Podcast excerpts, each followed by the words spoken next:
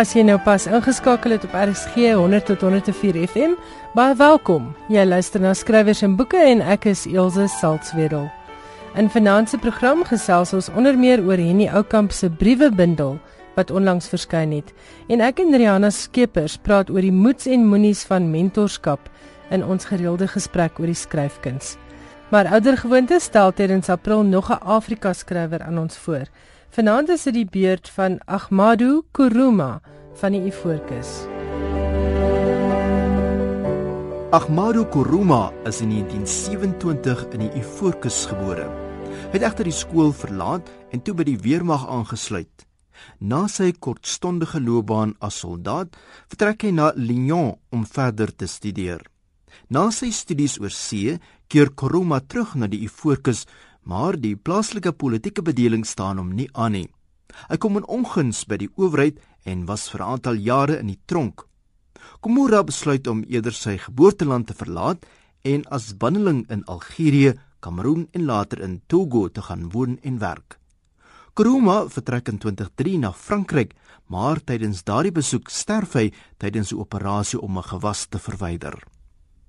Ahmadu Kuruma het sy eerste roman The Son of Independence in 1968 uitgegee. Die werk het verskeie herdrukke beleef en is ook in ander tale vertaal.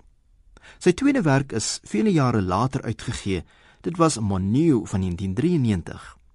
Twee ander werke staan ook uit: Waiting for the Wild Beast to Vote van 1998 en Allah is not obliged van 2000. Hier is 'n uittreksel uit Ahmadu Kuruma se roman Allah is not obliged. For four years during the last war, Mamadou went to the village school by himself, but there was no teacher. After the war, Mamadou was too tall and too old to be in primary school. He was expelled too.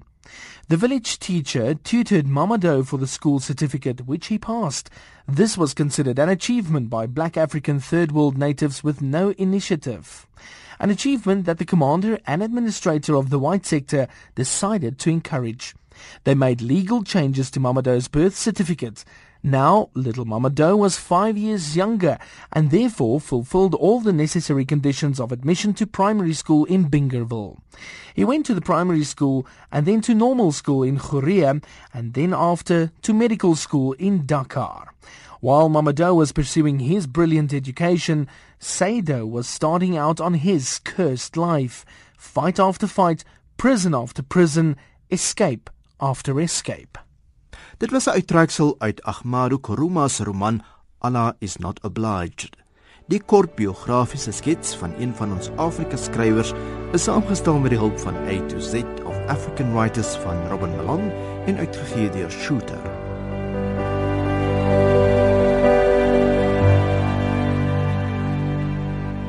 Dit was dan tydens April en hy het gepraat oor Ahmadu Kuruma. Dis altyd baie lekker om te hoor as 'n Suid-Afrikaanse boek oor see goed presteer, maar nog lekkerder as 'n mens weet dit is 'n Afrikaanse boek wat vertaal is en oor see so goed doen. Beeld het verlede week berig dat daar reeds meer as 30000 kopieë van die Sweedse weergawe van Marlene van die Kerk se bekende Agaat in Swede verkoop is. Die boek was ook verlede jaar 5 weke lank nommer 1 op die lys van topverkopers in Swede.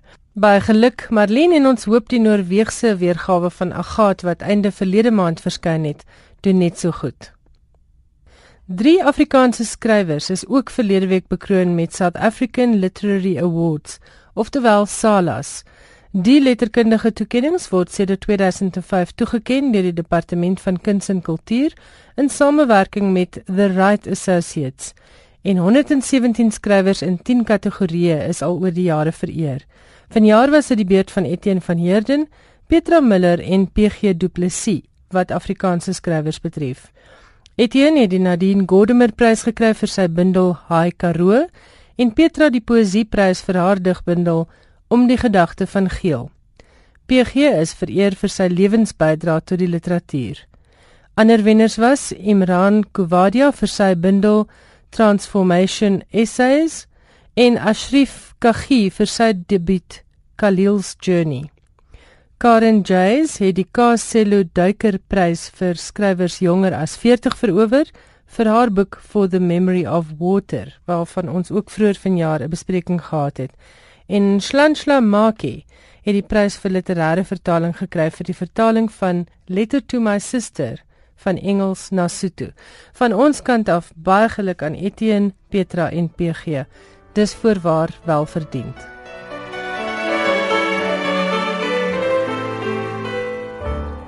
Jy luister na skrywers en boeke op RSG 100 tot 104 FM en ek is Elsje Saltzwedel.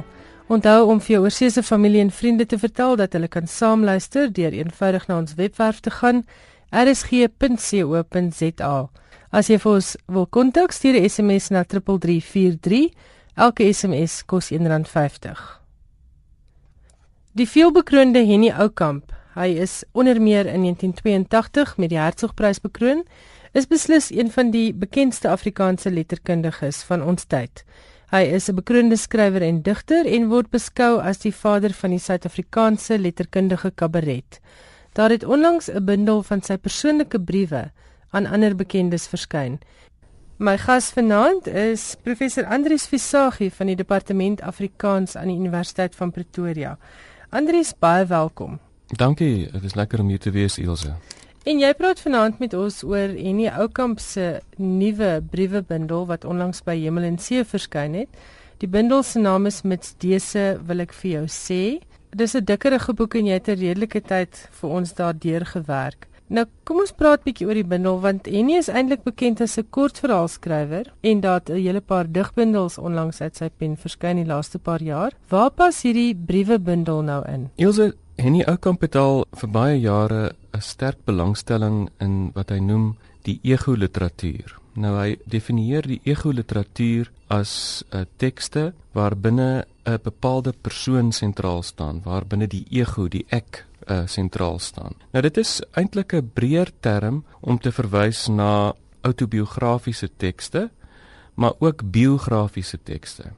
En briewe is natuurlik deel daarvan want dit is eintlik 'n soort teks wat ook 'n autobiografiese element het, baie sterk 'n uh, autobiografiese element het. En wat Henny Oukamp en ook in hierdie briewe dan self sê, onder andere aan uh, Johan de Lange wat blykbaar voorheen al belang gestel het om hierdie briewe van hom te bundel, was dat Henny Oukamp sy briewe eintlik sien as 'n integrale deel van sy oeuvre maar ook 'n spesifieke integrale deel van sy ego-literatuur en sy bydrae tot die ego-literatuur in Afrikaans. En hy sê dan ook baie interessant dat die brief vir hom 'n manier is om ook 'n uh, rekenskap te lewer oor homself. Met ander woorde, hy kyk terug na sy eie lewe en hy meet dit dan aan sy belewende hede terwyl ja. hy skryf. En dit is met ander woorde 'n soort van 'n verdubbelende effek amper hy, hy kyk terug na die ervarings wat hy gehad het in die verlede en terwyl hy skryf, kyk hy met ander woorde op 'n kritiese en van evaluerende manier na sy eie lewe. En is dit nou briewe wat hy aan ander mense geskryf het of is daar ook briewe wat aan hom geskryf is in hierdie bundel? Nee, hierdie briewe is net briewe wat hy self geskryf het. Ek vermoed uh, baie van die briewe wat uh, ook aan hom gerig is, is tans onder bewaring by die JS Gericke Biblioteek by die Universiteit van Stellenbosch wat 'n dokumentasiesentrum het waar al sy dokumente bewaar word. En die briewe wat geselekteer is vir hierdie briewebundel is net die briewe wat hy self geskryf het. Nou eendag sal navorsers dalk die ondernemingsgees moet aan die dag moet lê om ook die ander briewe te gaan uitkrap en te gaan bestudeer. Ja, want ek is nou dadelik nuuskierig oor die antwoorde ja. op hierdie briewe. Die joernaliste my soek nou ja. daai inligting. Maar sê vir my, dek dit 'n sekere tydperk in sy lewe of of strek dit oor sy hele lewe? Die eerste brief kom uit sy studente dae en kom uit die laat 1950s toe hy nog deel was van die berg en toerklub van die Universiteit van Stellenbosch. O, die BTK. Die BTK mm. einste en ja. um, hy vertel daar in 'n brief aan sy ouers hoe hy op 'n bergklim ekspedisie in die berge buite Stellenbosch was en hoe een van die persone in hulle geselskap toe geval het en oorlede is tydens die ekspedisie. Dit was eintlik 'n uh, sy een van sy eerste direkte ervarings met die dood. Dit is die eerste brief in die in die bundel. En dan is daar ook 'n aantal briewe wat kom uit sy werkslewe as uh, professor in die opvoedkunde aan die Universiteit van Stellenbosch. Maar dit is opvallend dat die grootste gros van die briewe eintlik kom vanaf die 1990s toe hy afgetree is. Ja, ek veronderstel hy het nou meer tyd gehad en wel meer tyd om te dink en meer tyd om te skryf, né? Ek dink so en kan ook wees dat hy uh, in hierdie tydperk ook die die noodsaak gevoel het om sy korrespondensie weier te trek. En daar kan ook an, met ander woorde ook ander redes wees want dit is ook juist die tyd toe hy begin produktief raak het op die gebied van die ego literatuur. Met ander woorde ook ook 'n tyd van meer introspeksie, meer selfondersoekend. Ja, baie van die briewe kyk terug op sy eie lewe en daar's 'n sterk behoefte by hom om ook sy plek binne die Afrikaanse literatuur te oorskou en um, te bepaal waar staan hy. En daar's ook 'n baie sterk drang by hom kry mense die indruk in die baie van die briewe om dinge klaar te kry om projekte wat hy al oor jare heen begin het afgerond te kry om bundels gepubliseer te kry om bloemlesings af te handel. En dit is sy aftrede het ook dan saamgeval met 'n enorme produktiwiteit. Selfs nou nog verskyn daar ten minste een of twee boeke elke jaar uit die pen van hierdie ou kamp. So sy aftrede hier vanaf die vanaf 1995 was eintlik 'n tyd van geweldige produktiwiteit by hierdie ou kamp. En as ek reg is, word hy in Januarie 80, né? Ja, ja. Maar sê vir my, wie het hierdie samestelling gemaak? Wie het besluit oor die inhoud? Was dit Henny self of was daar 'n samesteller?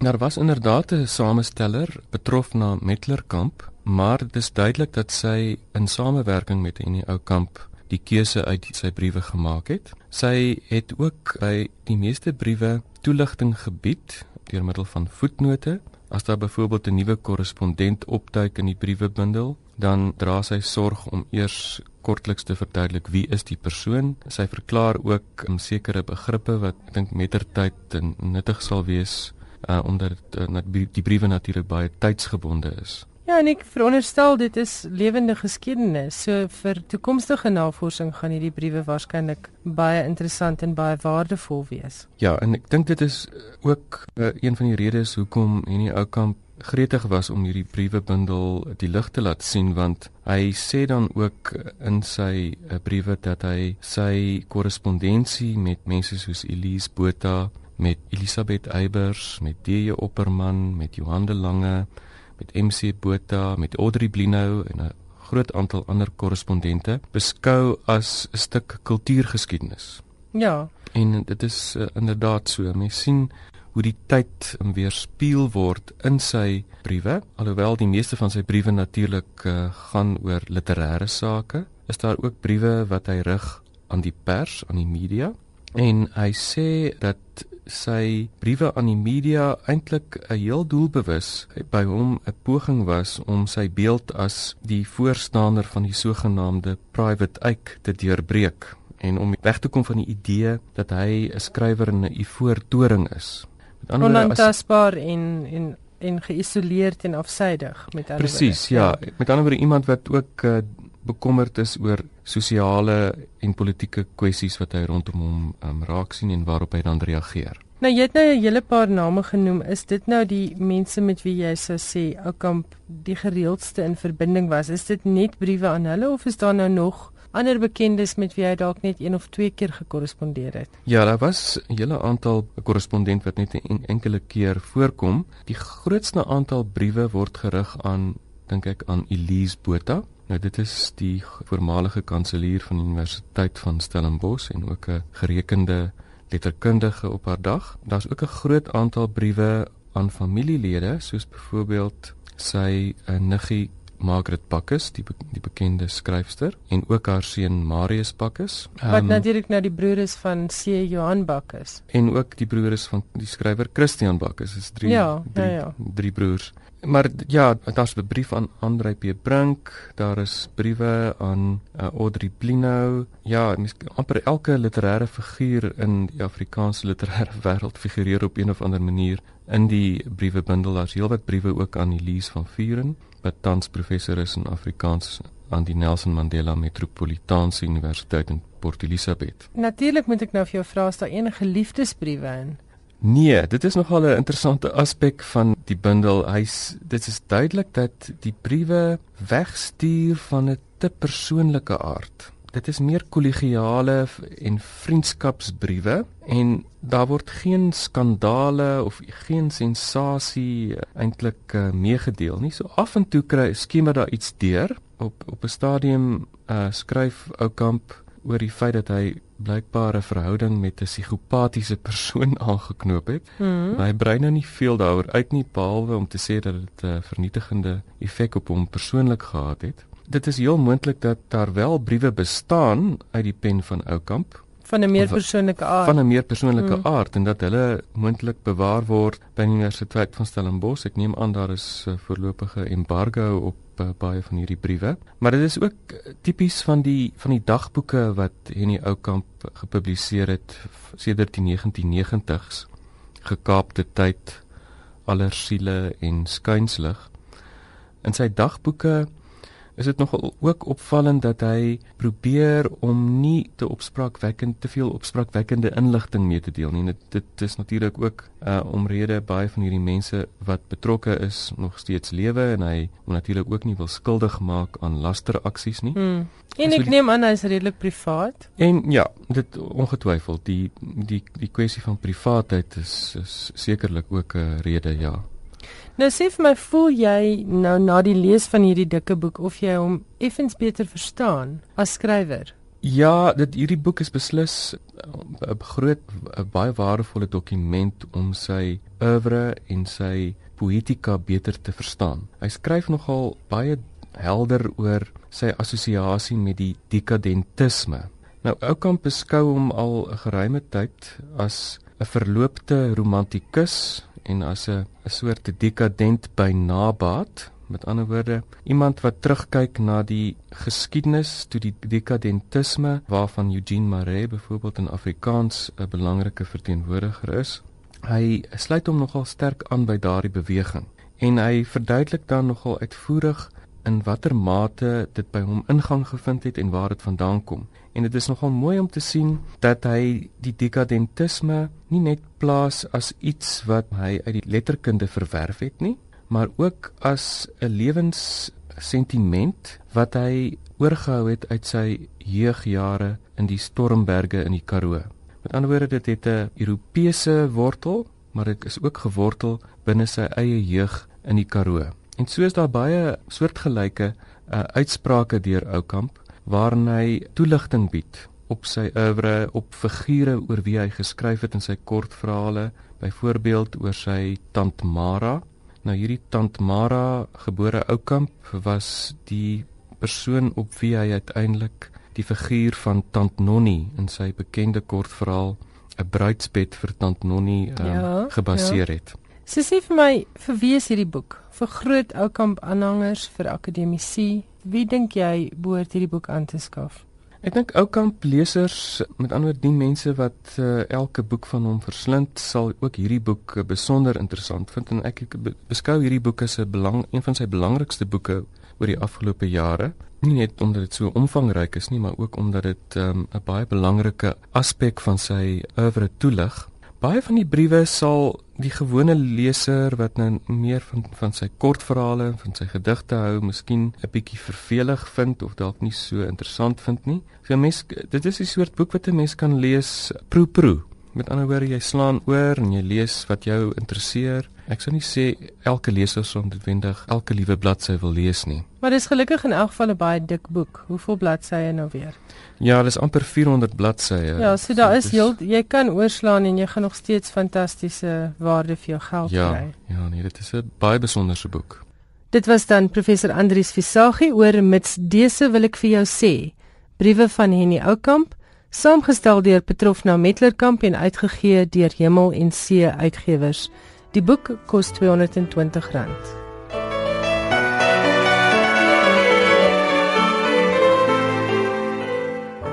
Johan Meiberg is nou in die ateljee. Johan, waaroor praat ons vanaand? Ek dink ons praat oor daar is lessing en dan net nou oor Malala Yousafzai. Daar is lessing, skrywer van The Grass is Singing van 1950, maar ook die voortreffelike tweedelige outobiografie Under My Skin 94 en Walking in the Shade van 97 is Sondag oorlede. Sy was 94. Haar jongste seun, Pieter, vir wie sy jare lank as sieklike gesorg het, is 3 weke gelede dood. Lessing en Pieter het in Hampstead, noord van Londen gewoon. Benewens die soort goed wat sy in haar werk self beskryf, is 'n tipeerende storie oor Lessing, die klein verhaal rondom die nuus van die Nobelprys. Die het sy in 2007 gekry. Lessing en Pieter was een oggend uit om 'n paar goedjies vir die huis te kry. Toe die twee terugkom en uit die swart Londense taxi voor hulle huis klim, was daar reeds 'n kohort joernaliste voor die huis saamgedrom. Lessing, sy was toe 88, het met die plastieksakke aangewaggel gekom en Pieter het om een of ander rede 'n string eie soos 'n verabo om sy nek gehad. Onbewus daarvan dat sy die Nobelprys vir letterkunde gewen het, het sy daar op die sypaadjie by die aanhoor van die nuus gesê, "I couldn't care less. I've won all the prizes in Europe, every bloody one of them." En gemaak vir die voordeur. Duidelik meer besorg oor haar kruideniersware as oor die Nobelprys. Op haar stoeptrappies het sy egter omgedraai en opgemerk: I'm 88 years old and they can't give the Nobel to someone who's dead. So I think they were probably thinking they'd probably better give it to me now before I've popped off. Later in haar aanvaardingstoespraak in Stockholm het Lessing onder meer breedvoerig gewaarsku teen die gevare van die internet. We are in a fragmenting culture, het sy gesê, where our certainties of even a few decades ago are questioned and where it's common for young men and women who have had years of education to know nothing about the world, to have read nothing, knowing only some speciality or other, for instance, computers. Doris Lessing is in 1919 in Iran, toe nog Persië gebore, maar het in Zimbabwe toe Suid-Rhodesië groot geword. Sy is op 14 uit die skool en het haarself bekwam. Sy het eers gewerk as verpleegster en later as telefoonoperateur in Salisbury.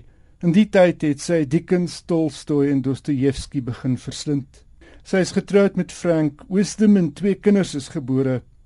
Sy en Wisdom is in 43 geskei.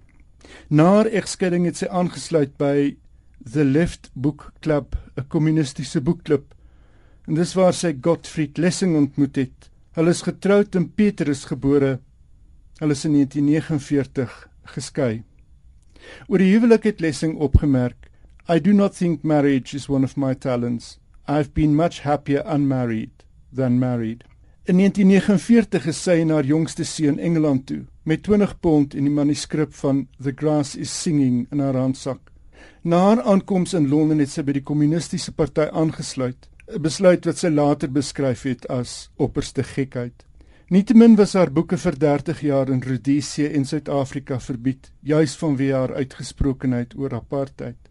Lessing se grootste bydrae tot die letterkunde lê dalk in haar vermoë om, soos dit al beskryf is, die innerlike ervarings van ongelukkige vroue neer te pen.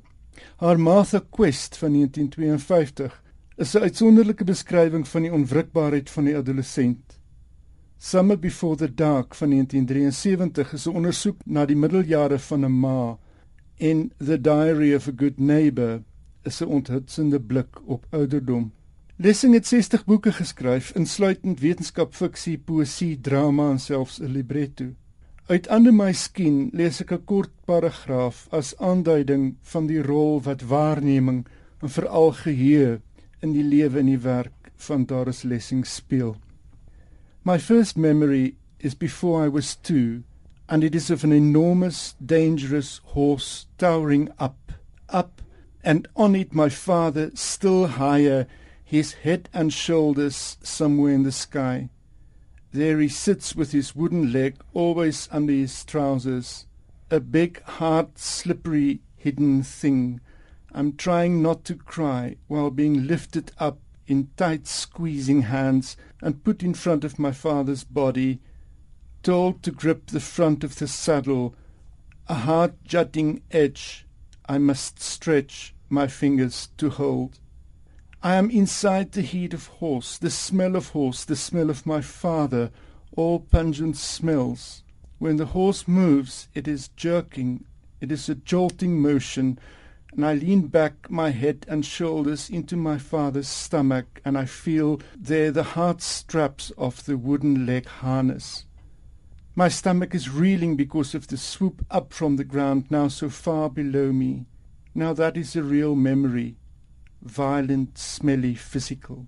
Ek veronderstel as mens 88 is en jy kry die Nobelprys, kan jy seker maar eintlik sê wat jy wil. Daar is 'n um, Reuters, ek dink dit is 'n Reuters video op YouTube waar mens kan sien hoe sy reageer. En jy kan sien hoe sy van die tuinhekkie aanstap na die voordeur toe. Sy sê ook in 'n stadium vir die joernaliste, "Gee my net 'n oomblik." En jy en jy sien die um, nonchalance van ek het alles gewen soos hy reeds gesê het, maar jy sien ook daai groeiende ervaring van het die Nobelprys gewen. So jy, jy aan die een kant wil sy wil sy sy sê ook in 'n stadium laat ek sit en en my gedagtes agter mekaar kry want jy wil seker iets sinvols van my hê. Al daai harwar um, gedagtes. En dan iets oor die jong aktivis Malala Yousafzai. Pakistanse onderwysamptenare het haar boek in skole verbied. Hulle voer aan Malala ondermyn respek vir Islam. Hulle het haar ook 'n werktuig van die weste genoem. Malala is die jong vrou wat verlede jaar deur die Taliban in die kop getref is in die noorde van Pakistan. Sy het die Taliban se beperkings op die onderrig wat meisies kan ontvang gekritiseer.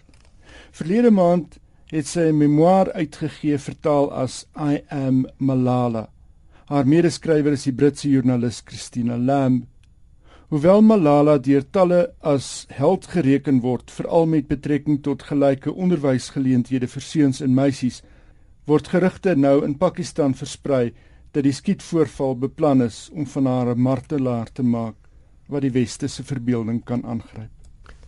So gesels Johan Meiburg. Nou is dit weer tyd vir aspirantskrywers om nader te skuif want dit is tyd vir ons tweeweeklikse gesprek oor die skryfkuns.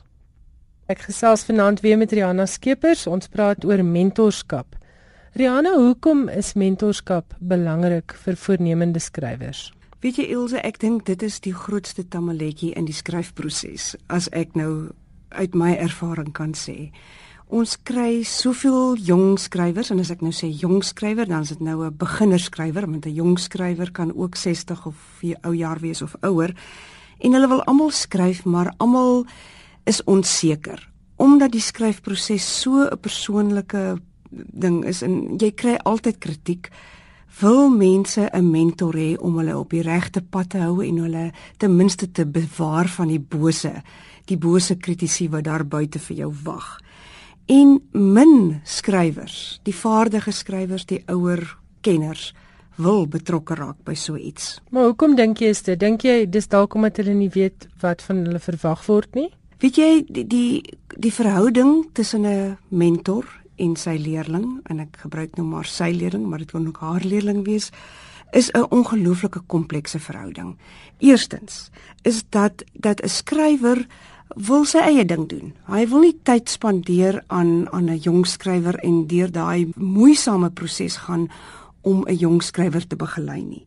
In daai tyd wat jy 'n ander skrywer spandeer, kan jy jou daai energie gebruik om aan jou eie loopbaan te werk. En meestal kry jy 'n jong skrywer wat op wel dikwels op 'n arrogante manier eintlik eis van dit 'n ouer skrywer hom of haar moet begelei of raad gee maar hulle wil glad nie eintlik daarvoor betaal nie. Ilse, ek kry ten minste 2-3 keer 'n week. Stuur iemand per e-pos of per pos vir my 'n manuskrip, enige iets van 5 bladsye na 800 bladsye en sê vir my lees asseblief dit wat ek geskryf het. Lees dit net gou en dan gee jy net vir my 'n bietjie terugvoer. Ja, en sê vir my of daar iets in is. Daai woord iets wil ek omtrent al teen die mure uitklim. Hulle wil hê dat ek 800 bladsye moet lees en dan kyk wat is die waardevolle juweel die kern daarvan. En ek het nou al mee doonloos geword en gesê nee, ek lees dit nie want hulle is nie bereid om my betaal te betaal vir daai leeswerk en dikwels glo hulle my ook nie as ek kritiek gee nie hmm. want eintlik wil 'n jong skrywer net hoor dit wat ek geskryf het is fantasties jy is ons volgende literêre popster met ander woorde wat jy sê is hier houdingsverandering nodig by beide gevestigde skrywers en by aspirant skrywers aspirant skrywers moet luister na die raad en kritiek wat hulle kry en hulle moet dit op die regte manier vra ook. En Dis dan reg. en dan moet gevestigde skrywers hopelik bereid wees om daarom net 'n bietjie te help. Wat is billik om te verwag van 'n gevestigde skrywer? Weet jy, um, dit hang ook af wie die persoon is. Uh, jy jy kry skrywers wat heeltemal eintlik op 'n eiland is en nie 'n vreeslike toeganklike mens is nie. En dit is asof jong skrywers eintlik op 'n intuïtiewe manier kan uitsniffel watter skrywers daar is wat bereid is om 'n bietjie raad te gee. Maar hulle wil nie daarvoor betaal nie. So ek dink As ek raad kan gee vir 'n jong skrywer en jy het 'n bietjie hulp nodig. Ek praat nou nie van skryfskole nie, want by skryfskole kry jy inderdaad genoeg hulp of jy kry ten, minste hulp, is dat jy nie net persoon moet bombardeer en sê hier is my manuskrip lees en en sê wat jy daarvan dink en help my nie. Dat jy ten minste eers uitvind Is jy bereid om te kyk wat ek geskryf het en dat jy ten minste 'n soort kompensasie daarvoor kan aanbied om te sê ek gaan vir jou per uur betaal of of ten minste nie dat jy net verwag dat iemand dit vir nie doen nie. Wanneer jy 'n dokter besoek, weet jy dat jy vir die tyd uh, fooi gaan betaal of jy nou 2 minute by die dokter sit of 'n halfuur, jy gaan 'n voorgeskrewe tarief betaal. Maar jong skrywers verwag dat hierdie diens gratis aangebied word.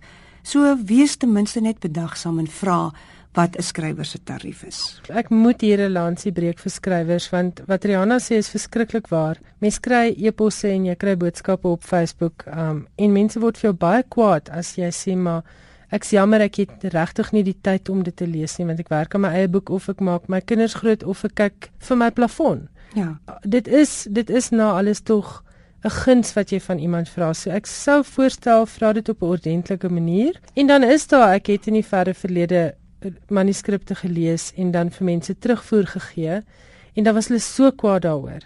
Ek dink dis ook belangrik dat jy nie moet vra as jy nie wil hoor nie. Presies, einste. En en omdat jy werk met iemand wat nogal 'n brose siel het en hy het hy seker ehm um, met groot moed dit wat hy geskryf het voor jou voete neergelê, dink ek dat dit ook 'n mentor se plig is om 'n bietjie met simpatie en met bietjie deernis daarna te daarna te kyk. Ja, nee, definitief.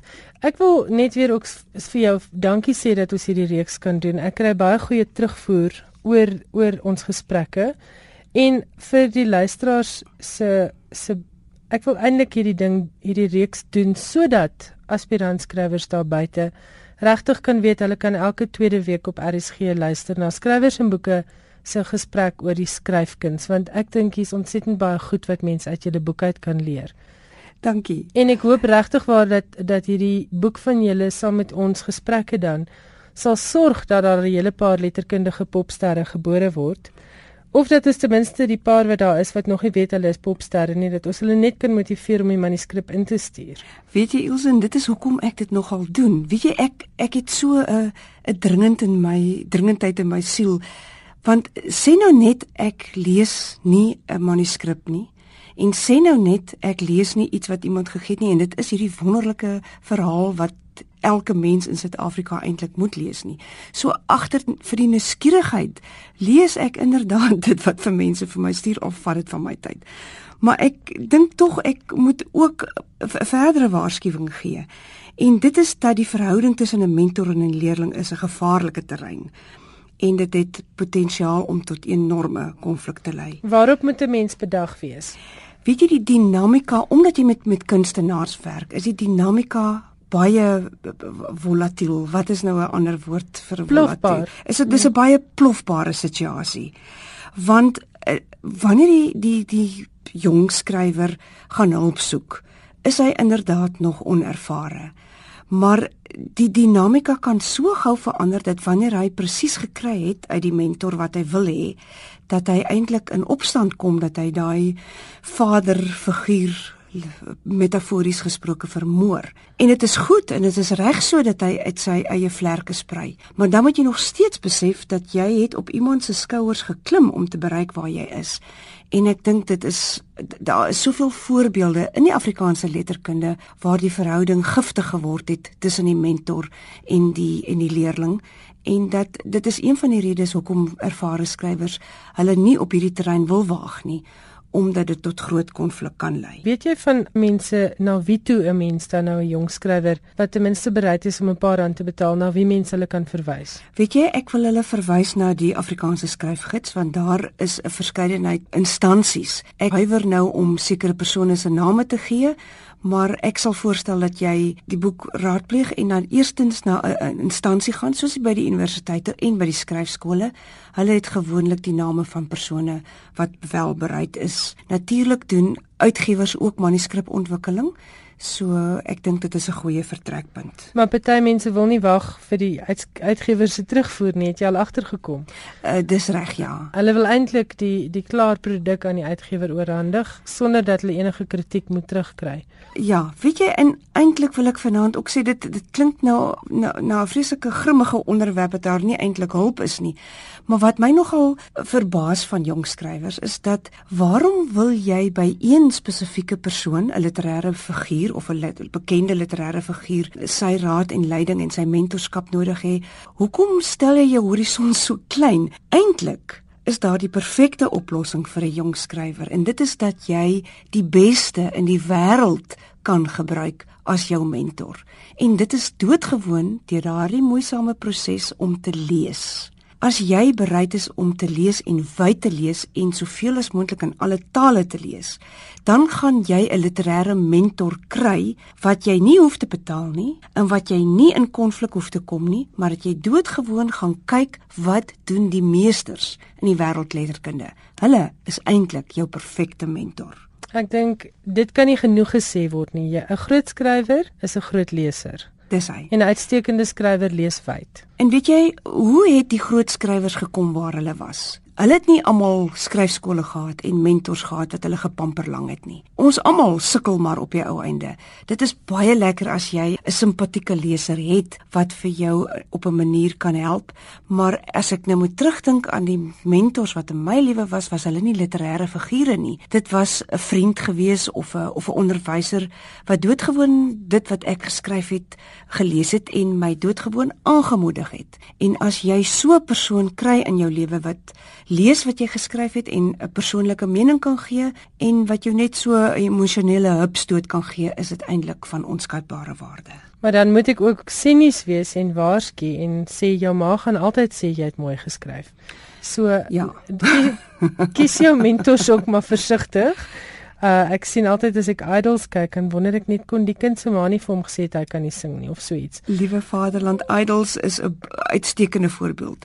Almal wat skryf is nie pryswenners nie en almal wat kan sing is nie idols nie. En alle stories en ek dink ons moet dit weer sê, alle stories kan nie noodwendig 'n boek word nie. Maar party stories kan 'n blog word of dit kan 'n kort verhaal word. Want dis die ander ding wat ek dink mense wil boeke skryf terwyl hulle nog nie eens gereed is vir 'n kort verhaal nie en dit sê ek met alle respek. En sommige skrywers is perfekte briefskrywers. Ek het al dit persoonlik vir mense gesê, weet jy, skryf briewe. Daardie direkte kommunikasie wat jy het met jou familielede en jou vriende is eintlik die grootste literêre prestasie wat jy gaan kry. Dit is nie vir publikasie nie, maar jy lewer nog steeds 'n bydrae. En daarmee sê ons nou glad nie dat mense moet ophou skryf nie. Ons sê net moenie so swaar op jouself wees nie. As jy nie in jou lewe 'n boek gepubliseer kry nie, beteken dit nie jy is nie 'n skrywer nie. Is ek reg? Jy is 100% reg.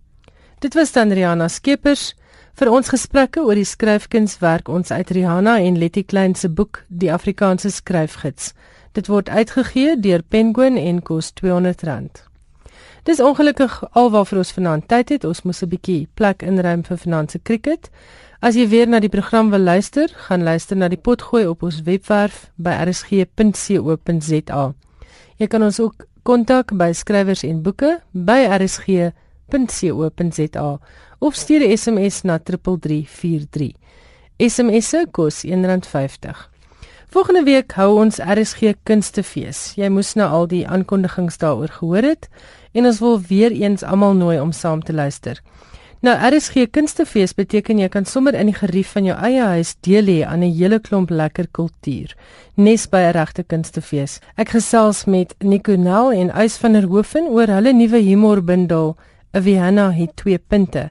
En dan gaan Kairos in die Tankwa saam met Letty Klein en David Slinger as ons praat oor die pragtige boek Briewe uit die Tankwa waarvan die fotos deur Adrian Oosthuizen geneem is. Letty het die boek saamgestel en sy het groot dele van David se eie memoirs in die boek gebruik. Ek hoop hierdie laaste 2 weke van November behandel jou nie te stief nie en ek hoop jy slaap vanaand baie lekker. Tot volgende week.